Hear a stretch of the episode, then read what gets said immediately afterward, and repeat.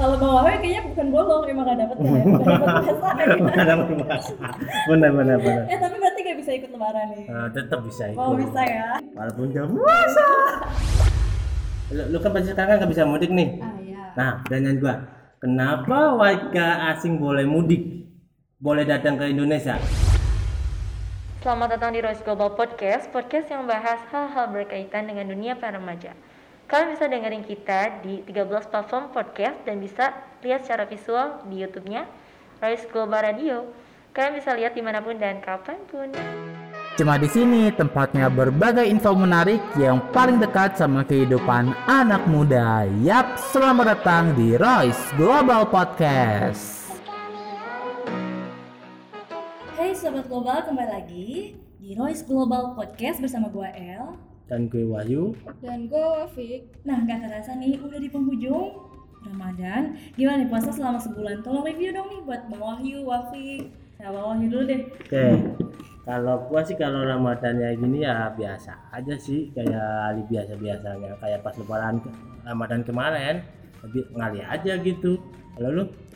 Menurut gue Ramadan tahun ini bener-bener gak berasa Tahu-tahu udah akhir Iya, aja iya bener gitu ya, udah akhir gitu kan. Iya kayak Apa karena kita semakin dewasa tuh ngerasa Ramadan cepet banget ya? Pas kecil tuh kayaknya ngerasa Ramadan tuh lama banget, tapi ini ibu nggak terasa gitu Bisa kan. jadi Udah, sih, kayak- bentar lagi udah mau lebaran gitu. kayak makin lama kita ya biasa aja gitu kan Ah, nikmatinya iya. Kalau waktu kecil tuh kayak kita masih belajar jadi ya kayak berasa banget gitu Ya, puasanya ya kayaknya lama, angus iya. banget ya. Nah iya nih ngomongin kan udah mau apa sih bentar lagi nih. Pasti banyak dong hal-hal yang bakal dirinduin di lebaran nih kayak misalkan kita kan biasanya tuh kalau lebaran tuh kita nyari takjil tuh sore-sore ngabuburit. Pasti nih nanti kan gak bakal ada lagi kan. Nah terusnya kayak apa ya? Eh, makan kolak sebenarnya sih kalau makan kolak nggak harus di bulan Ramadan ya nggak sih? Bisa sih Ya, tapi kalau tapi khas banget gitu loh kalau makan kolak tuh di bulan Ramadan ya Iya, kan? ada beberapa makanan khas gitu ya di bulan Iya, Ramadan iya, hari iya, raya kayak gitu kan jadi ya mungkin ya bakal kangen gitu kalau setelah Ramadan jarang ditemuin gitu kan Iya.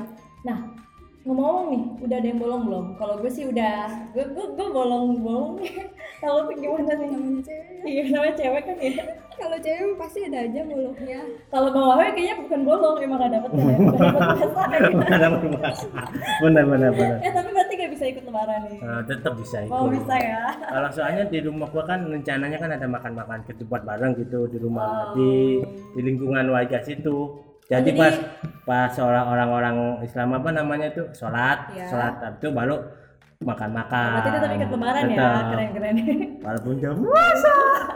boleh juga tuh idenya Iya. makan bareng Iya, gitu makan ibaratnya Jadi kayak apa sih mempererat Iya. silaturahmi Iya. ya gak sih? kayak walaupun apa berbeda gitu kan Hmm. tapi masih bisa saling toleransi Nah, betul banget. Kalau lebaran ini kan eh, pasti ada sesuatu yang spesial dong. Apaan tuh? Kayak baju baru, pacar baru, apa siapa kayak yang baru-baru lah. Yang baru-baru. Yang baru-baru. Katanya kan lebaran adalah hari yang baru. Apa Oh, iya. menjelang apa namanya itu? Kehidupan baru apa-apa gitulah. Eh, kalau yang baru-baru paling baju baru ya Pik ya. kalau itu kayaknya sih udah jadi tradisi juga Iya, sih ya di tradisi.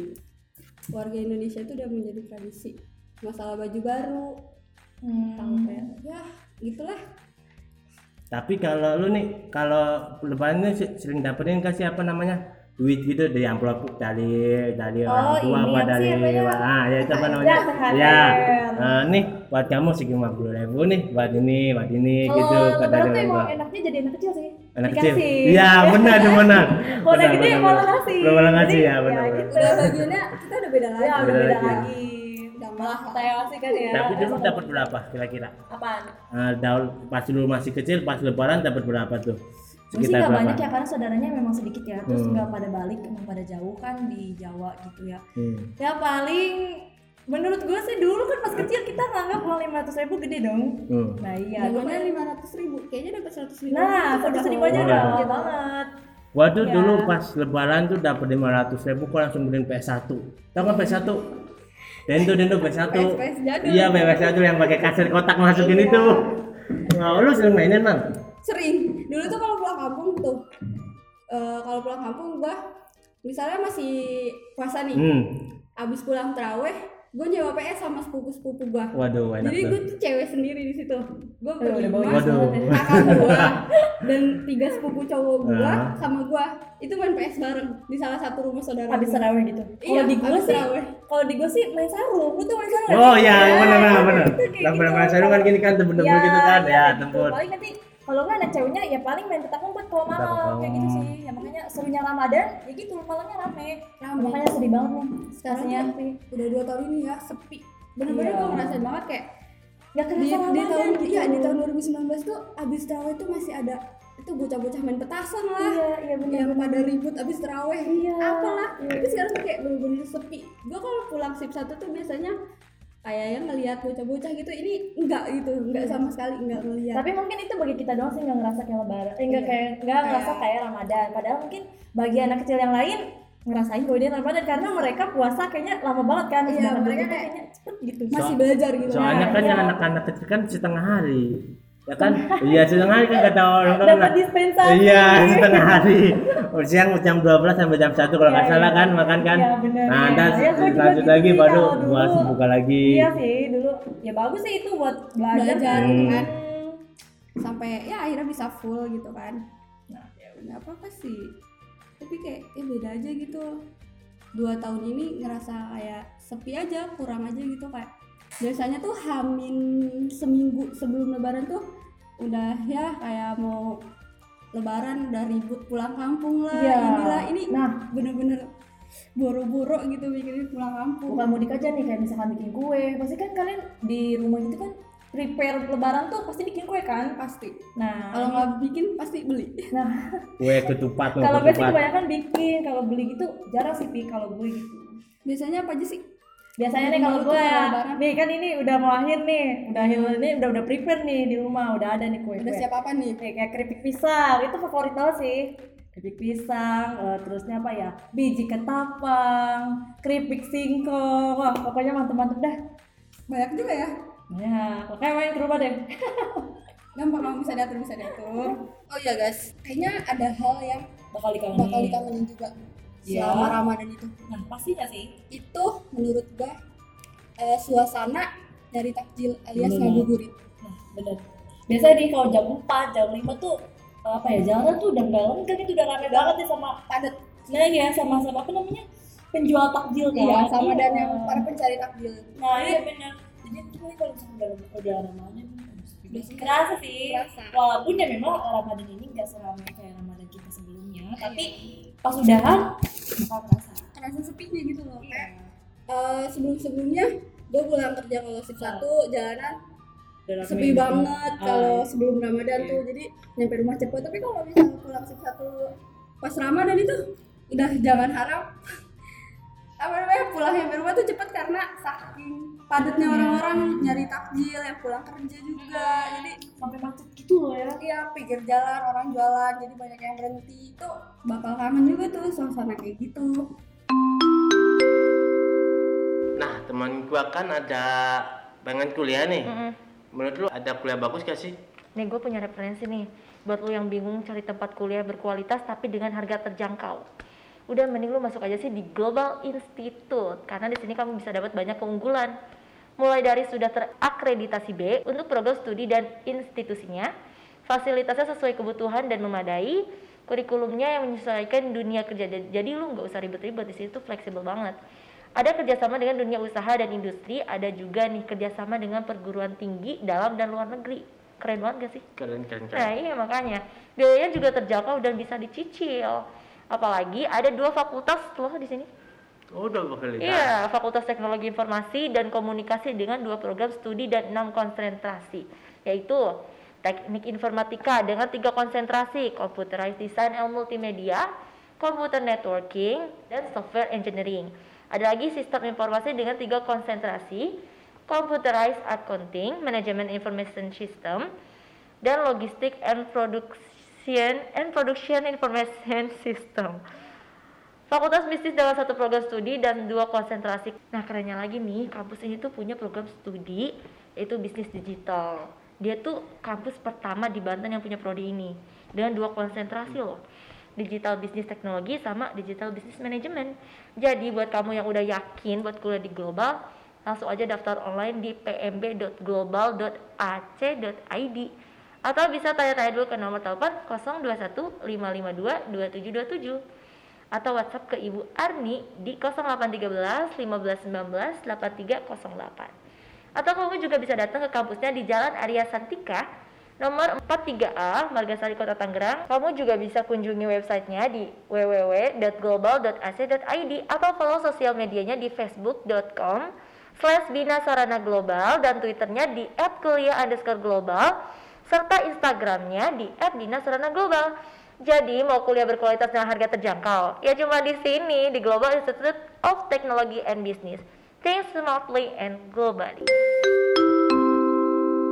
Eh tadi kan kita singgung hal-hal mudik ya mudik. Kan kata lu 2 tahun kita nggak bisa mudik nih. Iya. Tapi silaturahmi jangan terus doang pasti. Caranya gimana sih silaturahmi tapi kita nggak pulang gitu loh? Lu lu gimana sih ininya eh, apa ya cara silaturahminya gitu ke orang tua meskipun lu nggak pulang. Kayak ya eh, ngambil kesempatan paling habis sholat id gitu kan ya. Eh, mungkin video call gitu. Atau pertama cek dulu. Orang rumah udah kumpul semua belum Iya. baru udah mulai video call secara online gitulah ibaratnya. Sekarang zaman sekarang udah modern juga kan ya. Jadi udah bisa teknologi udah. Iya teknologi udah canggih jadi udah bisa ya online gitu. Bisa dulu video call ya. video call sama sih gue juga kayak gitu video call tapi tahun kemarin gue em, masih pulang sih jadi masih bisa silaturahmi secara langsung ke orang tua ke saudara-saudara sama sih tahun kemarin juga gue masih bisa pulang tapi bukan pas Idul Fitri tapi idul adha pas Idul Adha Hmm. Hmm, kalau tentang ini apa kalau warga Indonesia kan nggak boleh mudik nih. Lu, lu kan pasti sekarang nggak bisa mudik nih. ah ya Nah, pertanyaan gua, kenapa warga asing boleh mudik? Boleh datang ke Indonesia kayak di di Cina gitu. Yang 85 orang tuh yang di Cina ada satu warga Indonesia terus ada dua yang kena Covid. Menurut lu gimana? sepertinya abah yang lebih tahu Baik jawabannya enggak? Enggak menurut lu pemerintah itu kenapa mem- masyarakat nggak boleh mudik tapi W- eh, WNA asing boleh datang ke Indonesia? menurut lu ya? gimana? Pendapat lu sendiri dah. Pemerintah juga menurut gue cukup bingung juga ya dalam mengambil semua keputusan ini. Hmm. jadi dari warganya juga yang bikin bingung pemerintah buat ngambil keputusan. Iya. Ngerti nggak? Hmm. jadi warganya juga kadang ya lu tahu sendiri Indonesia. Hmm. kadang tuh prokes aja masih susah gitu kan ya. Prokes aja masih susah dijalani jadi menerapkan ya. iya jadi masih bisa meningkat terus covid ini gitu kan di Indonesia dan pemerintah juga cukup lalai sih menurut gua. Lalainya di mana tuh? kayak ya penerbangan asing. Nggak cuma Cina doang gitu loh. Masih dibuka ke Indonesia. Makanya kemarin gue sempat ngeliat ada postingan orang Korea gitu ya. Hmm. ya dia orang biasa sih. Ya. bukan artis atau influencer atau apa. Terbang ke Indonesia. Dia katanya mau lebaran di Indonesia. Jadi menurut gua kayak mungkin gak sih kalau mereka tuh punya kepentingan yang apa ya yang penting banget gitu. Jadi Bisa aja sih, bisa aja sih, tapi ini yang lebih aneh apa coba? Kita nggak boleh mudik tapi boleh wisata. Nah, iya itu tuh. Apalagi apalagi kalau misalkan rumahnya jauh di daerah Jawa gitu kan, alasan pengennya mudik tapi alasannya pengennya wisata. wisata ke daerah tersebut. kayak misalnya gini loh kayak di Jogja nih. Kalau Eh. orang Jogja eh, dia sebenarnya dia tuh mau, mau Mudik. mudik. mau ketemu keluarga di kampung gitu kan tapi dia bilang bilangnya pas di penjagaan itu saya mah mau wisata pak. Misalnya mau ke Bromo lah mau ke Candi lah gitu kan. Bisa aja gitu kan. Kayak ada nih teman kerja gua cerita ya. Jadi saudaranya dia mudik. Ya. dekat sih daerah Serang sini. Heeh. cuma katanya dia pakai pakaiannya biasa oh jadi akalinya pakai pakai Tujuannya biasa untuk apa tuh tujuannya? Nah dia itu katanya pakai pakaian biasa dan bawa pancingan. Pas ditanya mau ke mana, jawabannya mau mancing. Kocak Padahal dia ya. mau mudik gitu loh. pinter juga gitu loh Mancing ke mancing ke mana? Nah itu gua gak tahu tujuannya, cuma Cuman dia bilangnya Oh, dia mudiknya ke bilangnya ke sama ke Serang. daerah ya Serang. Daerah Serang. Hmm, karena kan kita nggak boleh mudik Iya. mereka akalin pakai eh, baju biasa biar bisa pulang gitu Oh, iya, iya benar, kayak benar. gitu. Dan dia pinter juga kan dia bilang nah iya mancing gitu bukan mau mudik. tapi, Tapi itu dia- lolos. Oh sih katanya. Lolos waduh, Iya. enak dong. Nah, gue pernah baca ya komentar di Instagram bilangnya kayak gini. Kan kita dilarang mudik tuh eh, udah dari tahun kemarin ya.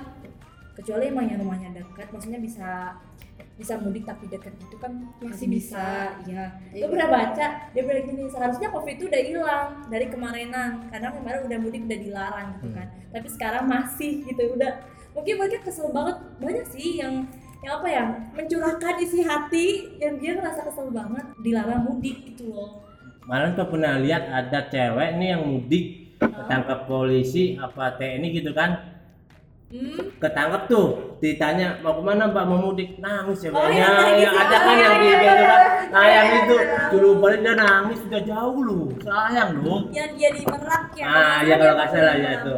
di itu ya di pelabuhan udah jauh-jauh mau suruh balik ke kota asalnya lagi aduh menyakitkan tapi eh, dengar-dengar sih dia dapat izin bisa Dapat izin. ya, selamat buat banyak ya. Udah bisa pulang. Walaupun sedih-sedih. Iya. walaupun dengan perjuangan yang dengan perjuangan. banyak sih yang emang pengen bener-bener mudik gitu tapi kayak peraturan peraturannya gitu. Kayak tahu gak sih video yang robos itu? Iya Wah. tahu. Yang yang yang polisinya sampai diangkat tuh iya sampai polisinya kayak ibaratnya nyerah gitu ya udahlah lewat gitu. Oh yang Emang pembatas kuning itu ya? Iya. iya. Gua kalau udah kangen keluarga tuh apa pun diterobos deh Iya. kayaknya ya. Nah kayak peraturannya juga gimana ya? Membingungkan sih peraturan Iya. sih aneh ya. Masa Indonesia ke warga sini gak boleh mudik. Warga asing boleh ke datang. Indonesia? Iya. gue pernah baca nih di salah satu postingan. Gue lupa postingan di IG itu di apa. Katanya gini kalau kalian mudik sama aja kalian membunuh orang tua. Itu parah gak sih kata-kata itu?